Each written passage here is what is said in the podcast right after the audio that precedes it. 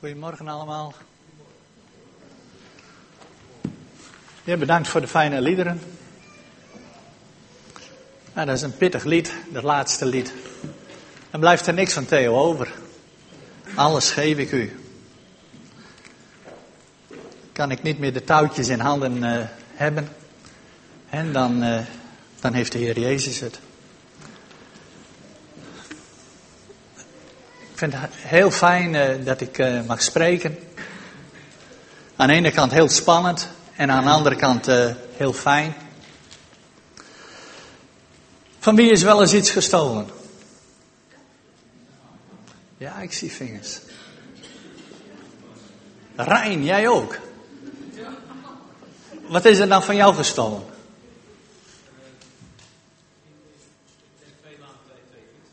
Twee fietsen, oh, oké. Ja. Aangifte gedaan bij politie of niet? Ja, ja. Dus dat werd wel serieus genomen, rapportje opgemaakt. Ja, ja. Ja, ja. En je hebt ze alweer gekregen natuurlijk, hè? dat is logisch. Ja. Ja, precies. Ja. Ja, ontzettend lastig, ja. En uh, vooral inbraak. Dat, dat kan een heel groot gevoel van onveiligheid geven. En uh, vanmorgen uh, wil ik het ook hebben over een diefstal en alle gevolgen van dien. Maar laten we eerst even gaan naar Deuteronomium 7.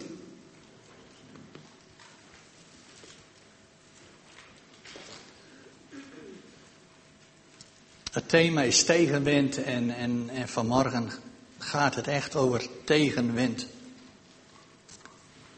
Deuteronomium 7 vanaf vers 6. Hebben we allemaal een Bijbeltje meegenomen? Het is heel goed om mee te lezen. He, uh, vaak uh, hebben we ook de gewoonte om, om, om de teksten op een beamer te plaatsen. En maar het aller, allermooiste is Bijbel meenemen. Want je kunt het dan ook nog even in, in de context lezen. He, of, of Willem hier nou staat, of Theo, of, of Ouweneel, maakt niet uit. Uh, wie? Controleer het, controleer het. Deuteronomium 7 vanaf vers 6. Want u, en dat is het, uh, het uh, Joodse volk, want u bent een volk dat aan de Heere uw God is gewijd. U bent door hem uitgekozen om anders dan alle andere volken op aarde zijn kostbaar bezit te zijn. Het is niet omdat u talrijker was dan de andere volken, dat hij u lief kreeg en uitkoos. U was het kleinste van allemaal, maar omdat hij u lief had en zich wilde houden aan wat hij uw voorouders onder Ede had beloofd, heeft de Heer u met sterke handen bevrijd uit de slavernij, uit de macht van de farao, de koning van Egypte. Besef dus goed, alleen de Heer uw God is God en hij houdt woord. Hij komt zijn belofte na en is trouw aan ieder die hem lief heeft en die doet wat hij gebiedt tot in het duizendste geslacht. en uh, in vers 6b lees je dat de Joden door God uitgekozen zijn om zijn kostbaar bezit te zijn. Op andere plekken van de Bijbel wordt het volk door God mijn knecht genoemd, mijn bode. God wilde en wil hen dus gebruiken om een zegen te zijn voor de hele wereld. In uh, het lied van Mozes, in Deuteronomium 32, vers 8, lezen we: Toen de Allerhoogste land toewees aan elk volk en de mensen ieder hun deel gaf, bepaalde hij de grenzen voor alle volken naar het getal van Israël. Want voor de Heer gold dat volk als de zijne. Met andere woorden, toen God de grenzen ging bepalen van de volkeren, hield hij rekening met de grootte van zijn volk, van het Joodse volk. En blijkbaar hebben de Joden dus een, een, een, eh, een heel uniek plekje in het hart van God gekregen. En niemand anders kan dat plekje innemen. Zelfs de kerk niet. Gods oogappel in de Bijbel slaat maar op één volk. Vele eeuwen later wordt de Heer Jezus geboren uit dit volk. En laten we dan opzoeken Johannes 10, vers 14. Johannes 10, vers 14 en 15. Het is een heel bekend stukje. Johannes 10, vers 14 en 15. Ik ben de goede herder. En ik ken mijn schapen. En mijn schapen kennen mij. Zoals de Vader mij kent en ik de Vader ken. Ik geef mijn leven voor de schapen. Wie bedoelt de Heer Jezus met die schapen? Wie? Wie bedoelt de Heer Jezus met die schapen? Ja, ja. Eigenlijk wil ik een ander, iets anders horen. Ik geef mijn leven voor de schapen, de Joden. Bij die schapen die hij toen noemde, uh, bedoelde hij de Joden. Gods eerste keus is de Joden. En Paulus bevestigt die volgorde ook. Het is eerst voor de Jood en dan voor de Griek, de heiden. En wij komen ook aan de beurt, maar dat is in vers 16. Maar ik heb ook nog andere schapen die niet uit deze schaapskooi komen. Ook die moet ik hoeden. En toen dacht de Heer Jezus aan u en aan mij. Ook zij zullen naar mijn stem luisteren. En dan zal er één kudde zijn met één herder. En geweldig dat de Heer Jezus hier aangeeft dat hij die muur wil afbreken tussen Joden en niet-Joden. Zodat ze door zijn bloed één kudde worden. De heiden mag bij die Joodse schaapskooi horen. En Paulus schrijft ook hierover in Efeze 2 vanaf vers 11. En zoek het maar alvast op, Efeze 2 vanaf vers 11.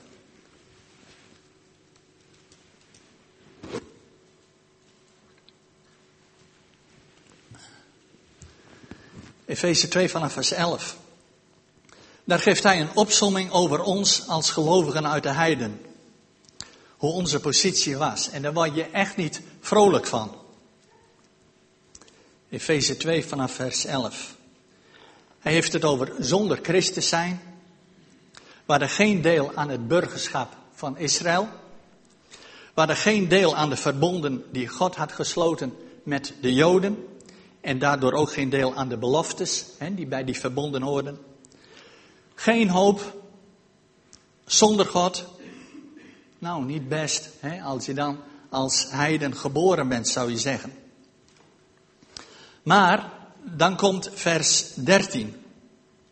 Maar nu, in Christus Jezus bent u, die vroeger ver af waart, dichtbij gekomen door het bloed van Christus. En waar zijn wij heidenen door Jezus bloed dichtbij gekomen? En wij denken dan vaak van, nou ja, we zijn dicht bij God gekomen. En tuurlijk, dat is waar. Maar Paulus, die dacht horizontaal. Wij zijn dichtbij gekomen bij Israël. In, dit, in deze context dacht hij horizontaal. Wij zijn bij die schaapskooi van Israël gekomen. En vergelijk het met Maxima, een Argentijnse. En door haar huwelijk met Willem-Alexander werd ze geënt, niet ingeënt, maar werd ze geënt op het huis van Oranje. En daardoor kreeg ze burgerrechten van Nederland. En door het geloven in de Heer Jezus zijn wij geënt op het huis van Israël. Paulus heeft het over geënt zijn op de edele olijfboom. En daardoor zijn we verbonden met Abraham, Isaac en Jacob. In Gods ogen hebben we deel gekregen aan dat burgerschap van Israël. vers 14, daar lezen we, want hij is onze vrede die de twee één heeft gemaakt. En de tussenmuur, die scheiding maakte, de vijandschap weggebroken heeft. Geen tussenmuur. En het lijkt wel dat Paulus dit echt wil benadrukken. Een tussenmuur, nou ja, dat woord spreekt voor zich. En dat staat ergens tussen. Dan heeft het over scheiding maken. Het lijkt wel dat het allemaal dubbelop zegt.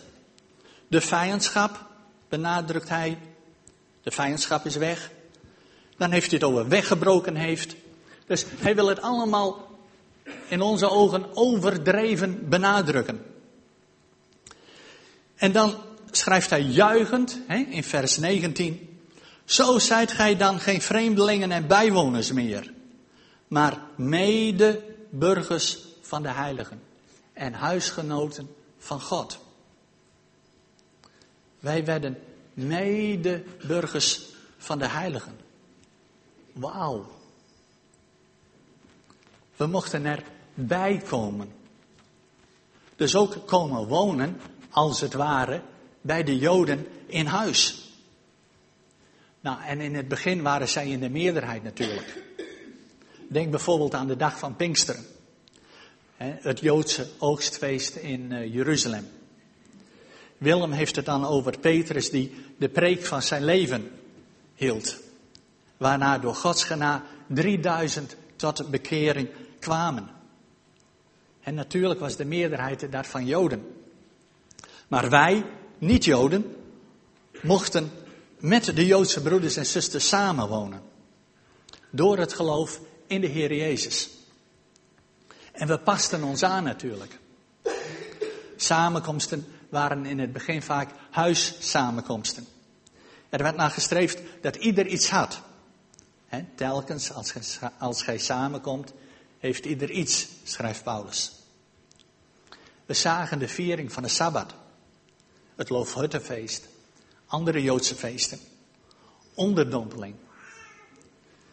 Maar langzaamaan kwam er irritatie en afstand tussen de Joden en de gelovigen uit de heidenen. En op een bepaald moment hebben we de boel overgenomen. Letterlijk werd er op een bepaald moment gezegd door de niet-Joden, de, de Tenaag, hè, dat is het, het Oude Testament zeg maar, dat zijn onze geschriften. Met andere woorden, we hebben jullie niet meer nodig. We zijn niet meer afhankelijk van jullie. Augustinus, dat is een kerkvader, vond dat de, de Joodse religie achterhaald was. Hij en andere kerkvaders, inclusief trouwens Luther en Calvijn, vonden dat het Joodse volk door God verworpen was. De kerk zei op een bepaald moment, jullie zijn niet langer uitverkoren. God heeft gekapt met jullie. En hij heeft ons nu uitgekozen in jullie plaats. Wij zijn het geestelijke Israël geworden. Augustinus begon deze vervangingsleer theologisch te onderbouwen. En keizer Constantijn de Grote bekeerde zich tot deze nieuwe godsdienst. Deze godsdienst werd het christendom genoemd. En vanaf 27 februari in het jaar 380 werd het zelfs de staatsgodsdienst, uitgeroepen door de keizer. En wat naar de Joodse wortels verwees, was zoveel mogelijk verwijderd. Dus geen sabbatviering meer, geen Joodse feesten, geen onderdompeling, maar kinderbesprenkeling. En we gingen bidden met gevouwen handen en de ogen dicht. Er was een strakke leiding van bovenaf vanuit Rome. We hebben gelezen dat de Heer Jezus de tussenmuur, die scheiding maakte tussen de Jood en de niet-Jood, had afgebroken. Maar de kerkvaders die gingen sjouwen met bakstenen en bouwden weer een hoge en brede muur op. En dan komt Paulus met de vraag in Romeinen 11. God heeft zijn volk toch niet verstoten? En de kerkvaders antwoorden echt wel. En Paulus antwoordde absoluut niet. Maar daar wilden de kerkvaders niet naar luisteren. En zo ontstond de grootste diefstal van alle tijden met gigantische, dramatische gevolgen door de eeuwen heen. En dit is een van de oorzaken dat er een klimaat kon ontstaan, waardoor 17 miljoen Joden het leven lieten in de afgelopen 2000 jaar in naam van Christus, kruis en kerk. Ik kan natuurlijk niet een volledige lijst opnoemen van wat hierdoor ontstaan is. Maar denk bijvoorbeeld aan de kruistochten. Joden werden bijvoorbeeld opgesloten in synagoges, inclusief moeders en kinderen. De deur werd vergrendeld, de boel werd in brand gestoken en ondertussen werden geestelijke liederen gezongen door de kruisridders. In Frankrijk werden Joden voor de keus gesteld om zich te laten dopen of om te worden gedood. In de middeleeuwen was er een grote Jodenvervolging in plaatsen langs de Rijn, omdat ze de pest zouden hebben verspreid. Tijdens Russische pogroms werden Joden achtervolgd, verkracht en gedood omdat zij de Messias hadden gekruisigd. En als dieptepunt natuurlijk de Holocaust tijdens de Tweede Wereldoorlog. Duitse bisschoppen en priesters zweerden trouw aan Hitler. Veel geestelijken binnen de Lutherse kerk steunden Hitler. En Joden werden vervolgd en vergast. Er waren natuurlijk uitzonderingen, maar ontzettend veel stilte vanuit de kerk in Europa. Hitler kon verder bouwen op de visie van de kerkvaders. 2000 jaar christendom hebben ons tot grote vijanden van de Joden gemaakt. En de pijn en het wantrouwen zit heel diep bij hen. Zoals jullie weten zijn we kort geleden een paar weken in Jeruzalem geweest. We mochten een paar keer optrekken met Bart Repko. En sommigen uh, kennen hem misschien wel. Uh, hij is een Hollander die de roeping heeft gekregen om letterlijk op de stenen muur van de oude stad te lopen. En uh, dan God te herinneren aan de beloftes die hij gegeven heeft aan de Joden. En op een bepaald moment uh, zag een Joods vrouwtje dat. Ze luisterde naar de woorden. En uh, toen vroeg ze hem een keer: waarom huilden jullie christenen niet tijdens de Holocaust? En waarom huilen jullie nu niet? En hij moest haar het antwoord schuldig blijven. Moeten we nou gaan wijzen met, met, met de vinger naar, naar de kerkvaders? Om ze te beschuldigen? En wat is dan het, het, het, Bijbelse antwoord? Hoe moeten we daarmee mee omgaan? Uh, laten we eens kijken naar Daniel, Daniel hoofdstuk 9.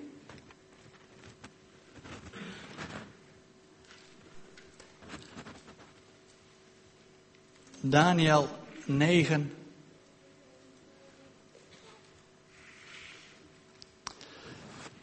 Daniel hoofdstuk 9 gaat over de schuld van de wegvoering van de Joden naar Babel. En Daniel zelf was tijdens die wegvoering een tiener. Dus eh, hij, hij, uh, hij was er natuurlijk niet schuldig aan. Hij was een tiener. Hij was rechtvaardig. want zelfs zijn tegenstanders konden bij hem, toen hij al volwassen was, konden bij hem geen enkele fout ontdekken. Daniel was van onbesproken gedrag. als, je, als je de levensgeschiedenis van Daniel leest, je komt geen enkel negatief punt bij hem tegen niet. Zelfs niet toen hij tiener was. Maar dit gaat dus over de wegvoering van de Joden naar Babel en laten we dat eens lezen vanaf vers 1 tot en met 8. In het eerste jaar nadat Darius zoon van Xerxes en medier van geboorte, tot koning was gekroond over het rijk van de Galdeën, in het eerste jaar van zijn koningschap, leidde ik, Daniel, uit de boeken af hoeveel jaren het zou duren voordat de puinhopen van Jeruzalem verdwenen zouden zijn. Dus hoe lang zou de ballingschap duren? Daar gaat het over. Zoals de Heer aan de profeet Jeremia had gezegd, waren dat er 70. En Daniel nam die profetieën letterlijk. En wij hebben wel de neiging, de valkuil, om het allemaal maar te vergeestelijken. Maar Daniel, die nam dat getal 70 letterlijk. Ik wendde mij tot God, de Heer, en gaf me over aan gebed en smeekbeden. Al vastend en rouwend. Ik bad tot de Heere mijn God en beleed schuld. Heer, grote en geduchte God, die zijn belofte nakomt en trouw is aan wie hem liefhebben en doen wat hij gebiedt. Wij hebben gezondigd en ons misdragen. Wij zijn slecht en opstandig geweest. Wij zijn van uw geboden en regels afgeweken. Wij hebben niet geluisterd naar uw dienaren en profeten, die in uw naam tot onze koningen, onze vorsten, onze oudsten en tot het hele volk gesproken hebben. U, Heer, staat in uw recht. Maar tot op deze dag staat de schaamte ons op het gezicht. Ons, de mannen van Juda, de inwoners van Jeruzalem, alle Israëlieten, of ze nu dichtbij zijn of ver weg, in alle landen waarheen u hen hebt verdreven, vanwege hun ontrouw jegens u. Heer, ons en onze koningen, onze vorsten en onze oudsten staat de schaamte op het gezicht, omdat wij tegen u gezondigd hebben. Daniel herhaalt steeds, wij hebben gezondigd. Daniel gaat niet wijzen naar zijn voorouders of uh, naar, naar de andere Joden. Hij zegt, wij, wij hebben gezondigd. Met andere woorden, we wijzen niet naar de kerkvaders, maar we gaan naast hen staan en zeggen, wij hebben gezondigd. En dat, dat is de houding die, die de Bijbel ons laat zien. Dus dit moet een hartsgesteldheid zijn. Dit moet een hartsgesteldheid worden. Daniel ging in de bres staan voor zijn volk. Hij maakte zich één met de schuldigen. En dat is de gezindheid van de Heer Jezus zelf. Hij maakte zich één met ons zondaren. Met andere woorden, dit lijden van de Joden in de afgelopen 2000 jaar wordt niet in de eerste plaats even goed gemaakt door actie. Van nou jongens, uh, laten we volgende week maar een verootmoedigingsdienst organiseren. En dan heeft iedereen van ons gelegenheid om, vergeving te vragen en om te bidden. Nee, het, het, uh, het is eh, in de eerste plaats een, een hartsgesteldheid. Een hartsgesteldheid. Schaamte bedekt ons gezicht, zei, da, zei Daniel. Schaamte bedekt ons gezicht. En deze houding van Daniel zie je ook bij Esra. Vanuit Babel is een deel van de Joden dan inmiddels uh, teruggekeerd naar Israël. En vrij gauw waren ze alweer ontrouw aan Gods woord. En in hoofdstuk 9 hè, van Esra zie je dan dat de rechtvaardige Esra bidt, mijn God, ik schame. Onze zonden rijken tot boven ons hoofd. En ook opnieuw zie je dan weer bij Esra, hij maakte zich één met de schuldigen. Hij legde als het ware zijn armen rondom de schuldigen en, en dan zegt hij, wij hebben gezondigd. Die, die hartsgesteldheid wil de Heer zien bij de kerk. Die hartsgesteldheid wil de Heer zien bij de gemeente.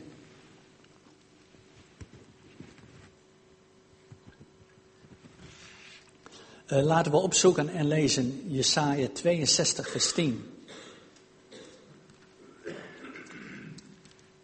Jesaja 62.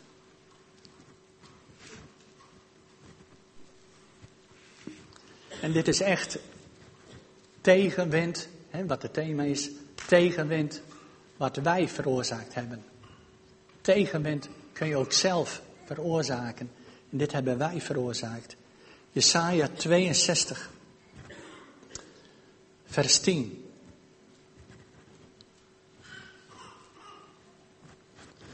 En dit is een opdracht uh, voor niet-Joden. Met andere woorden, wij kunnen onze namen hierbij invullen. Ga door de poorten. Ga er doorheen. Maak de weg vrij voor het volk. En Jesaja dacht toen aan het Joodse volk. Maak de weg vrij voor het volk. Ruim baan. Effen de weg en verwijder de stenen. Steek het vaandel op voor de volken. We hebben het van, vanochtend veel over deze stenen gehad. Deze christelijke stenen. Die we neergelegd hebben voor de voeten van de Joden. En dit is, uh, ja, zeg maar, nu de verantwoording geworden voor ons. Om deze veroordelende christelijke stenen die voor de Joodse voeten liggen, na 2000 jaar christendom weg te halen. Jesaja 40, die begint met troost, troost mijn volk, zegt u God. Troost, troost mijn volk, zegt u God. Spreek tot het hart van Jeruzalem.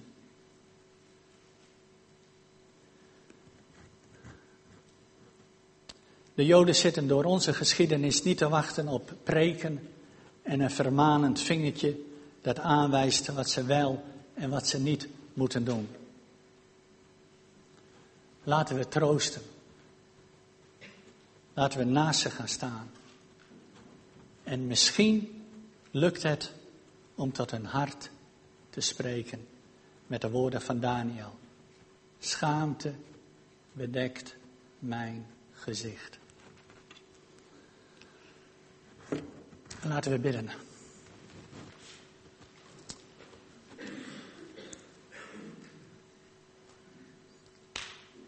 Ja, dank u wel, uh, Heer Jezus, Heer, dat we uw woord mochten openen, Heer. En Heer, dat we mochten lezen, Heer. Heer, over onze geschiedenis. Heer, en ik geloof, Heer, dat u gauw terugkomt, Heer. Heer, maar dat u van tevoren wilt, Heer, dat we dit goed maken richting uw volk. Heer, dat we verzoenend bezig zijn richting uw volk.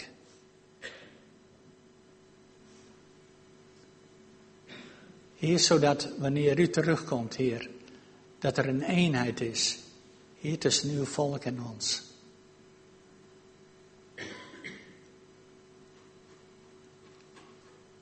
Heer, en dank u wel, Heer, dat u met uw geest werkt, Heer, in, in ieder van ons. Heer, en dat u wilt werken, Heer, met deze woorden. In een ieder van ons, Heer. Ook in mij, Heer. Ook in mij.